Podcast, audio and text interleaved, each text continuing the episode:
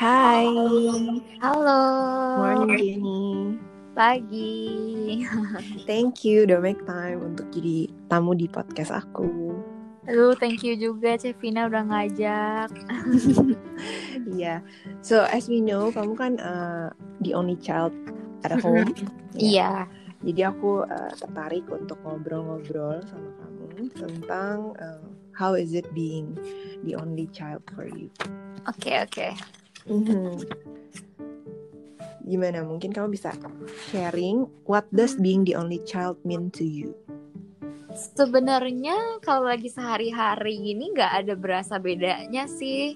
Mm-hmm. Kayak biasa aja gitu. Palingan setelah orang-orang ngomong, setelah ngobrol-ngobrol sama orang, baru agak kelihatan Mikir. bedanya gitu. Ha, paling kalau misalnya nih ngeliatin saudara-saudara mm. kayak yang punya adik kakak gitu misalnya, terus kelihatan seru, terus kayak wah kurang bisa relate nih, kayak gitu doang sih palingan.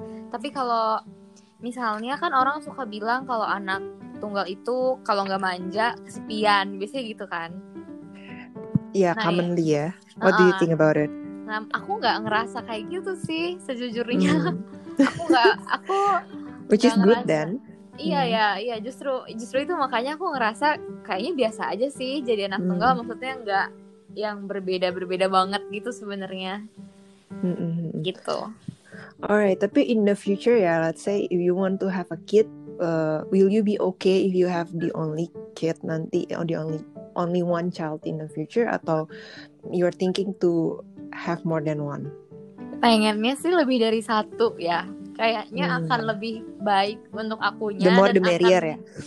ya itu juga. Cuman kayaknya nggak mau banyak-banyak ya. Makin lama makin mahal kan. benar benar benar. Uh, uh, uh.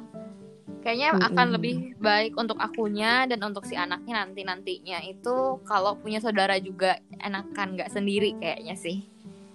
Hmm, oke. Okay. Lebih baik untuk kamunya itu how do you see that? Kayak misalnya nih, ini dari pengalaman aku sendiri ya, kan uh, aku anak tunggal, terus nanti uh, gimana ya? Maksudnya pas orang tuaku udah tua, berarti yang ngurus kan aku doang. Hmm. Hmm. Nah terus karena maksudnya aku kan juga aku nggak bisa menjamin akan selalu ada gitu loh aku punya urusan hmm. lain juga nantinya terus belum tahu nanti tinggal di mana. Nah, takutnya hmm. kalau pas banget misalnya orang tua aku lagi kenapa-kenapa lagi butuh apa terus aku lagi nggak bisa kan mereka yang kasihan gitu kan. Sedangkan kalau andai aja mereka punya anak lain selain aku mungkin bisa nge-backup saling nge-backup gitu loh. Nah okay, jadi okay. ya ya aku mandangnya gitu juga sih mungkin nanti kalau aku jadi orang tua mungkin lebih enak kalau ada beberapa anak gitu. alright, alright. Nah, kalau kamu sendiri ngelihatnya apa aja sih pro consnya being the only child itu? Hmm. Maybe we start with pro. Kalau pro-nya itu enaknya mungkin jadi nggak di ini ya, apa sih nggak terlalu dibanding-bandingin banget. Biasanya kan problem anak yang punya saudara itu hmm. dibanding bandingin gitu kan. Hmm. Nah aku sebenarnya ada dibandingin juga sih sama saudara lain gitu. Cuman karena ada sepupu kan, bukan? Iya iya benar-benar. Atau sepupu. anaknya teman mama. Lebih sering ke sepupu sih kayaknya. Hmm. Hmm. Tapi itu kan nggak dibandingin setiap saat dan setiap hari karena kan jarang ketemu juga gitu kan. Ya. Ya enaknya itu. Terus sama oh ini awalnya aku merasa sebenarnya awalnya nggak berasa berasa banget tapi lagi-lagi setelah lihat orang lain setelah dengar cerita teman baru berasa kayak misalnya teman aku nih uh, dia dua bersaudara. Terus kayak mau beli HP tapi nunggu-nunggu dulu gitu karena uh, baru beli satunya. iya pertama duitnya uh, emang maksudnya pas-pasan gitu kan. Kedua adiknya juga lagi butuh gitu. Jadi kayak harus saling nunggu gitu.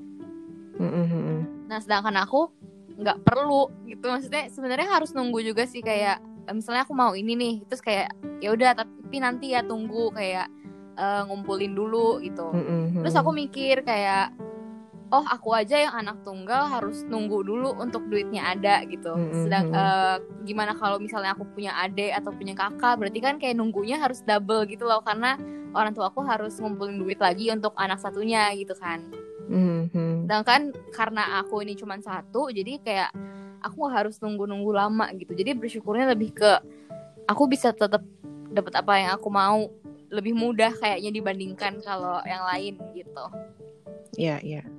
Oke okay. how about the cons? Consnya atau masih paling... ada pro lagi nih yang kepikiran? paling itu sih kalau pro lebih ke kayaknya lebih mudah aja. Sebenarnya maksudnya nggak mudah-mudah banget karena hmm. kalau soal mudah atau enggaknya kayak tergantung keadaan keluarga masing-masing juga kan. Mm-hmm. Cuman kayaknya kalau aku lihat ya aku sedikit lebih mudah gitu karena mm-hmm. aku satu-satunya yang kayak aku cuma satu-satunya gitu nggak perlu mm -hmm. mikirin anak-anak lain gitu kan mm -hmm. kalau kontraknya palingan yang tadi kayak aku bilang sih kayak karena aku sendirian jadinya ya nanti pas orang tua aku udah tua mm -hmm. aku satu-satunya yang di yang dijadiin harapan gitu loh mm -hmm. sedangkan aku kan juga takut nggak bisa memenuhi itu kan. Maksudnya kayak yeah. Iya. namanya manusia kan gak ada yang tahu juga. Terus sama paling ini sih yang aku semangat ya disiapin aja baik-baik. Kamu sekarang masih kuliah ya? Aku iya lagi skripsi. Oh iya bener bener bener I remember. Yeah. gimana so far progresnya? Um, masih ini sih. Diunya kapan? Eh udah udah ini kan kemarin sempat present ya? Uh, uh, jadi aku tuh harusnya wisuda itu Juli Juli tahun ini Mm-hmm. Cuman ini belum benar-benar mulai sih, masih ngurusin berkas-berkasnya. Kalau masuk. Ke... Jadi udah tahu lulus nih, tinggal nunggu graduation. Belum oh, lagi tahu masih sih. nunggu. Cuman, oh. uh... Dijadwalkan. Eh, kirain udah dapat pengumuman ya, aku udah mau congratulate you. Enggak belum belum. Just belum. now. Oke okay, oke. Okay. All the best ya, good luck, good luck. Tenang tenang. Thank you. Amin amin amin. Iya iya iya. Oke oke. Terus balik lagi ke Frusnya Pro-nya kayaknya udah sih kurang lebih hmm. itu. Kayaknya lebih terkesan lebih mudah aja karena hmm. emang yang yang diperhatiin ya aku doang gitu, nggak terbagi-bagi gitu kan. Hmm. Kalau kontraknya itu um, aku dari kecil tuh selalu takut kalau misalnya nanti ditinggal, yeah. kayak misalnya orang tua aku udah nggak ada gitu, terus aku sendirian kan berarti. Yeah kayak maksudnya ya aku punya saudara lain aku punya tante aku punya om aku punya sepupu sepupu tapi maksudnya kayak pasti beda kan rasanya Iya. kalau misal aku bayanginnya sih kalau misalnya punya saudara kandung gitu kayak ya kita bisa sedih-sedihan bareng maksudnya kayak saling nguatin bareng hmm. pasti kan hmm. sedihnya beda dong sedihnya aku si dan si saudara kandung sama saudara sepupu gitu kan pasti beda ya hmm, hmm, hmm. dan ini karena aku anak tunggal jadi kayak aku merasa ntar kalau misalnya mereka udah nggak ada ya aku Biar sedihnya sendiri gitu. Iya, iya iya. Iya itu sih yang paling yang paling gak enaknya menurut aku kayaknya itu ya. Hmm, hmm. gitu. Oke okay. any other cons in mind? Hmm, paling ini sih orang suka misconception.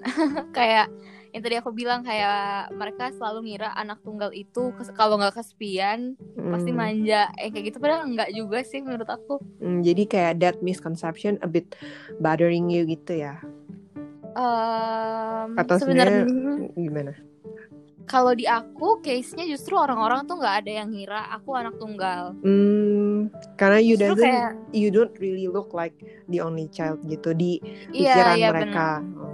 Iya, justru setelah mereka tahu aku anak tunggal, mereka yang kayak, oh jadi uh, lu selama ini anak tunggal, kok nggak kelihatan, bla bla hmm. gitu. Oke oke. Oke oke. Untuk cons yang pertama somehow kayak aku ngerasa, mm -hmm. hmm, you never know what will happen in the future kan.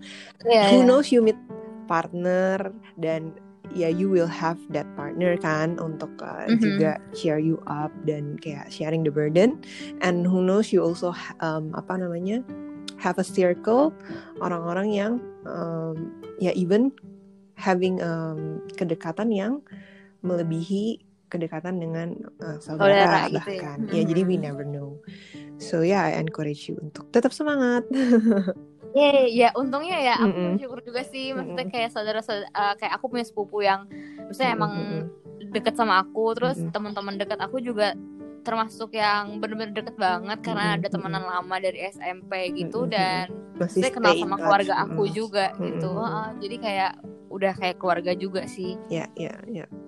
Ya, very good. Terus hmm. nih um, untuk mereka-mereka yang juga anak tunggal, terus um, maybe experience the same cons as you, kayak um, ada encouragement apa dari kamu untuk mereka? Uh, mungkin mirip sama yang tadi Cevina bilang gitu kali ya kayak ya udah jalanin dulu aja karena ya we never know nanti kayak gimana gitu jadi mm-hmm. mungkin menurut aku lebih fokus ke ya udah kayak nikmatin aja momennya mm-hmm. sambil prepare as best as you can gitu ya. Iya iya. Dan kayaknya harus ini juga sih kayak kelilingin diri sama orang-orang yang emang deket sama kita yang tulus yang positif mm-hmm. gitu. Jadi emang kayak nanti kalau misalnya someday mm-hmm. uh, terjadi kayak kita ditinggalin atau apa kayak mm, support ya kita tahu kalau ada mereka. iya benar-benar support system. Iya iya gitu sih palingan. Alright alright. Nice nice. Mm -hmm. oke okay. So far nih sampai uh, sekarang nih di usia kamu yang sekarang apa aja mm -hmm. sih yang kamu uh, syukuri kamu bisa sebutin beberapa hal yang aku syukuri ya Oh, sebenarnya kalau yang aku syukuri banyak banget sih. Hmm. Kayak dari hal-hal kecil aja kayak misalnya kebutuhan aku selalu terkecukupi walaupun sebenarnya untuk ngedapetin hal yang aku mau juga nggak gampang gitu kan. Kayak aku harus nabung sendiri aku harus nunggu hmm. aku harus uh, yang lain-lain gitu. Cuman kayak ujung-ujungnya mostly tercukupi sih. Kalaupun nggak ter maksudnya kalaupun nggak terkabulkan juga beberapa tahun kemudiannya aku nyadar gitu kayak ah yang gue pengen mah nggak terlalu penting-penting banget itu misalnya aku nggak dapat itu sebenarnya mm -hmm. ya ya emang cuman eventually you are gitu, realizing itu bukan sesuatu hal yang necessary banget untuk nggak nggak mesti banget untuk kamu miliki gitu ya Iya iya, itu hmm. mostly keinginan pas kecil gitu sih kayak lihat hmm. teman-teman aku kan kayak main game, main apa, aku nggak punya, aku nggak dibeliin gitu kan. Hmm, hmm, hmm. Ya, terus kayak, iya terus aku aku jadi setelah bertahun-tahun uh, maksudnya kayak lihat lagi aku pikir kayak ternyata nggak penting-penting banget juga sih gitu jadi kayak nggak punya pun nggak masalah gitu gitu loh mm -hmm. alright terus terus terus sama paling mungkin secara akademik kali ya mm -hmm. kayak uh, mama papa aku kan bukan orang yang akademik banget gitu mm -hmm. terus mereka juga bukan tipe yang maksa untuk kan ada tuh tipe orang tua yang maksa Ambisius anaknya gitu harus anaknya. iya ya anaknya nilainya bagus banget atau apa gitu kan. nah orang tua aku dua-duanya main chill. hmm. iya chill banget. Kalau misalnya nilai jelek oh ya udah. Kalau mereka sih sebenarnya prioritasnya yang penting aku naik kelas dulu gitu kan.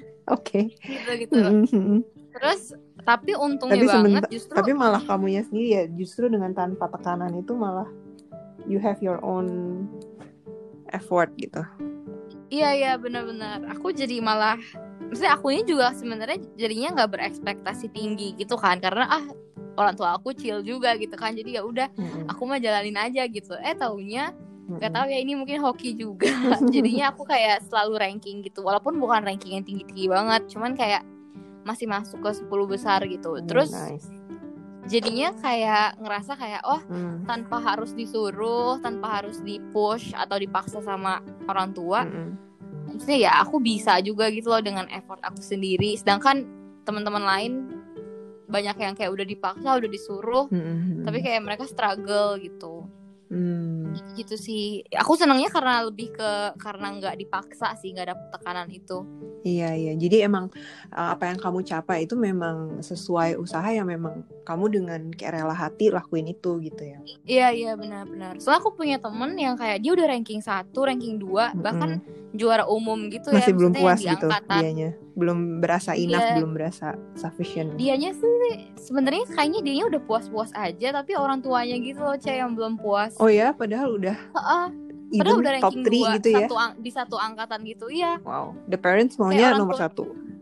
Betul. Oh orang tuanya bahkan sampai sampai ngomong gitu di depan teman-teman yang lain kayak kamu hmm. jangan senang dulu kamu belum jadi nomor satu yang kayak gitu loh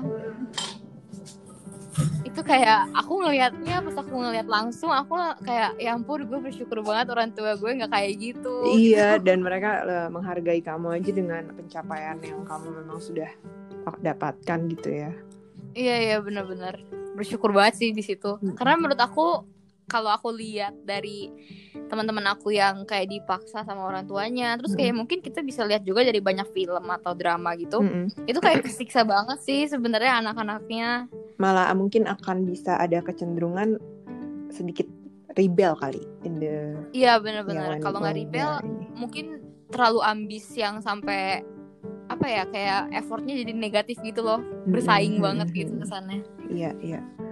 Ya oke okay. by the way kalau untuk jurusan kamu ini apa pas yang kuliah sekarang pas kuliah aku psikologi oh itu memang keinginan kamu atau sempat diskusi juga sama orang tua kalau si mama sih maunya aku dokter. Mm-hmm. uh, kayaknya tuh mungkin orang tua dulu. Sama sih kayaknya ya orang tua aku juga sempat ya, nanya mau sekolah dokter. Iya iya. Aku dulu sih sebenarnya pas kecil mau-mau aja jadi dokter karena mungkin belum tahu betapa susahnya juga gitu kali ya. Mm-hmm. Terus makin ke sini makin makin tahu. ya makin nanjak-nanjak gitu aku nggak kepikiran sama sekali sih sebenarnya untuk jadi dokter mm-hmm. jadi si psikologi ini juga uh, maksudnya bukan yang kayak dari awal aku kejar banget gitu hmm, kayak awal mula akhirnya ketemu psikologi aja. terus di site psikologi gimana awalnya uh, ini alasannya bener-bener kayak nggak penting gitu sih. Jadi kenapa? aku pas SD itu kan aku kayak langganan majalah gitu. Mm. majalah anak-anak. Mm. nah terus ada satu rubrik mm. kayak rubrik curhat gitu terus nanti yang ngejawab jawabin curhat itu si psikolog gitu kan. Oh, terus uh, terus aku ganti lagi majalah pas aku SMP aku langganan majalah lain ada juga, dan ada, ada sama rubrik curhat juga dan yang balas psikolog terus SMA aku ganti majalah ada kayak gitu juga. Terus jadinya kayak sebenarnya dari SD sih dari SD itu aku mulai mikir kayak seru juga ya maksudnya kayak bisa nanggepin cerita-cerita orang kayak gini. Karena emang hmm. dari kecil maksudnya teman-teman aku banyak yang kalau curhat tuh ke aku gitu loh. Hmm. jadi aku Seems mikir like kayak oh kayaknya seru. kayaknya gitu ya. Iya iya very good. Uh, jadi kayak aku merasa oh kayaknya jadi psikolog seru juga nih nanggepin cerita-cerita orang gitu. kan Mm-mm, terus mm-hmm. dulu kan zaman SD suka kayak ada tukar-tukar biodata gitu ya. Oh iya. Ya ampun zaman kamu masih ya. Padahal kita masih, masih, beda kertas, kertas file gitu, gitu iya, aku juga dulu ada tuh kayak gitu. di diary diputer-puter di isi biodata biodata gitu kan. Iya, iya.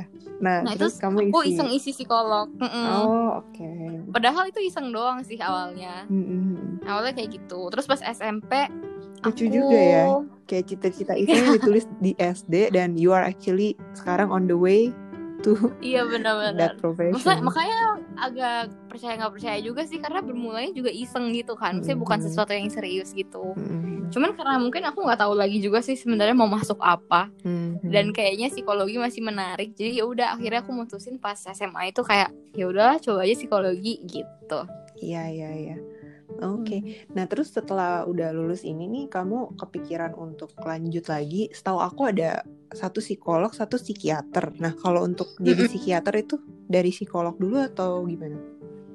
Kalau psikiater justru setahu aku dia dokter, hmm. masuknya dokter. Tadinya psikologi kan juga di kedokteran ya. Hmm. hmm, hmm. Terus baru akhirnya misah punya fakultas sendiri. Jadi benar-benar cuma jadi psikolog aja. Hmm. Tapi bisa yang lain sih. Maksudnya kan bisa jadi HRD, bisa jadi apa gitu. Hmm. Tapi kalau psikolog psikiater, hmm. psikologi sendiri cuma bisa psikolog doang. Kalau psikiater dari kedokteran gitu. Oh, jadi kedokteran spesialisasi psikiater. Nah, kalau psikolog mm -hmm. udah graduate ya dia psikolog gitu. Kalau kamu iya, mau dalami apa tuh psikologi? Kalau misalnya mau didalamin lagi? Hmm, ada ilmuwan psikologi juga. Hmm. Jadi kayak penelitian-penelitian gitu. Hmm. Kalau yang hmm. psikolog itu kan lebih ke profesi, yeah. praktek gitu kan. Hmm. Oh, kalau yang ilmuwan psikologi hmm. lebih ke neliti-neliti gitu sih, science. Tapi bisa juga jadi dosen. Dosen aku banyak sih yang psikolog eh, yang S2-nya psikologi yang science itu. Okay. Yang peneliti-peneliti itu. Hmm, akhirnya jadi Aku sendiri belum tahu sih kayaknya. Oh, kamu masih mencari tahu figure out mungkin kerja dulu mm-hmm. atau sambil trying to figure out. Kamu udah sempet sebenarnya kalau apa? Udah sempet kayak research research kan nanti? Kayak fresh graduate psikologi kamu mau ke arah mana? Apakah mau lebih ke kantoran yang HRD atau lebih ke um, pendidik kan ada juga tuh yang kayak mm, ya, ada, uh, ada. guru BP itu juga psikolog atau kamu mm-hmm. lebih mengejar profesi kayak gimana supaya kita bisa dapet profesi psikolog ada tesnya gitu nggak sih kayak kalau dokter kan ada ujiannya terus lawyer mm-hmm. juga ada tuh nah kalau psikolog kayak aku hmm. kurang tahu pasti sih gimana cara untuk jadi psikolog. Ya maksudnya ada hmm. apakah ada ujian-ujian itu atau enggak? Aku masih hmm. uh, kurang tahu hmm. tapi yang jelas harus S2 dulu hmm. kalau yang kayak HRD atau pendidikan hmm. terus atau yang di bidang-bidang lain kayak training atau apa gitu itu ya itu S1 nggak masalah tapi kalau mm, mau jadi psikolog harus S2 hmm. Nah, tujuan aku awalnya masuk psikologi sebenarnya pengen jadi psikolognya kan. Hmm. Yang berarti harus S2. Hmm. Jurusannya Tapi apa tuh biar jadi psikolog? Klinis, klinis. Oh, klinis. Mm-hmm. Itu kalau jurusan sebenarnya dari S1 mm-hmm. dari semester 6 pun kita udah ada peminatan gitu, Cek. Hmm. Kayak ada apa aja tuh mau klinis. mau klinis atau industri organisasi, terus uh, sosial sama satu lagi pendidikan. Hmm, oke. Okay.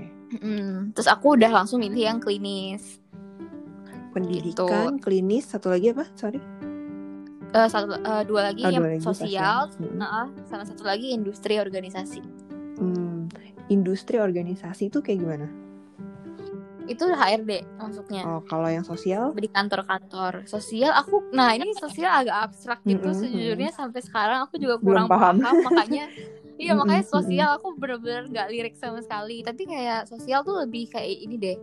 Uh, Mempelajari ya, masalah, behavior mungkin ya. Itu sosial. Hmm.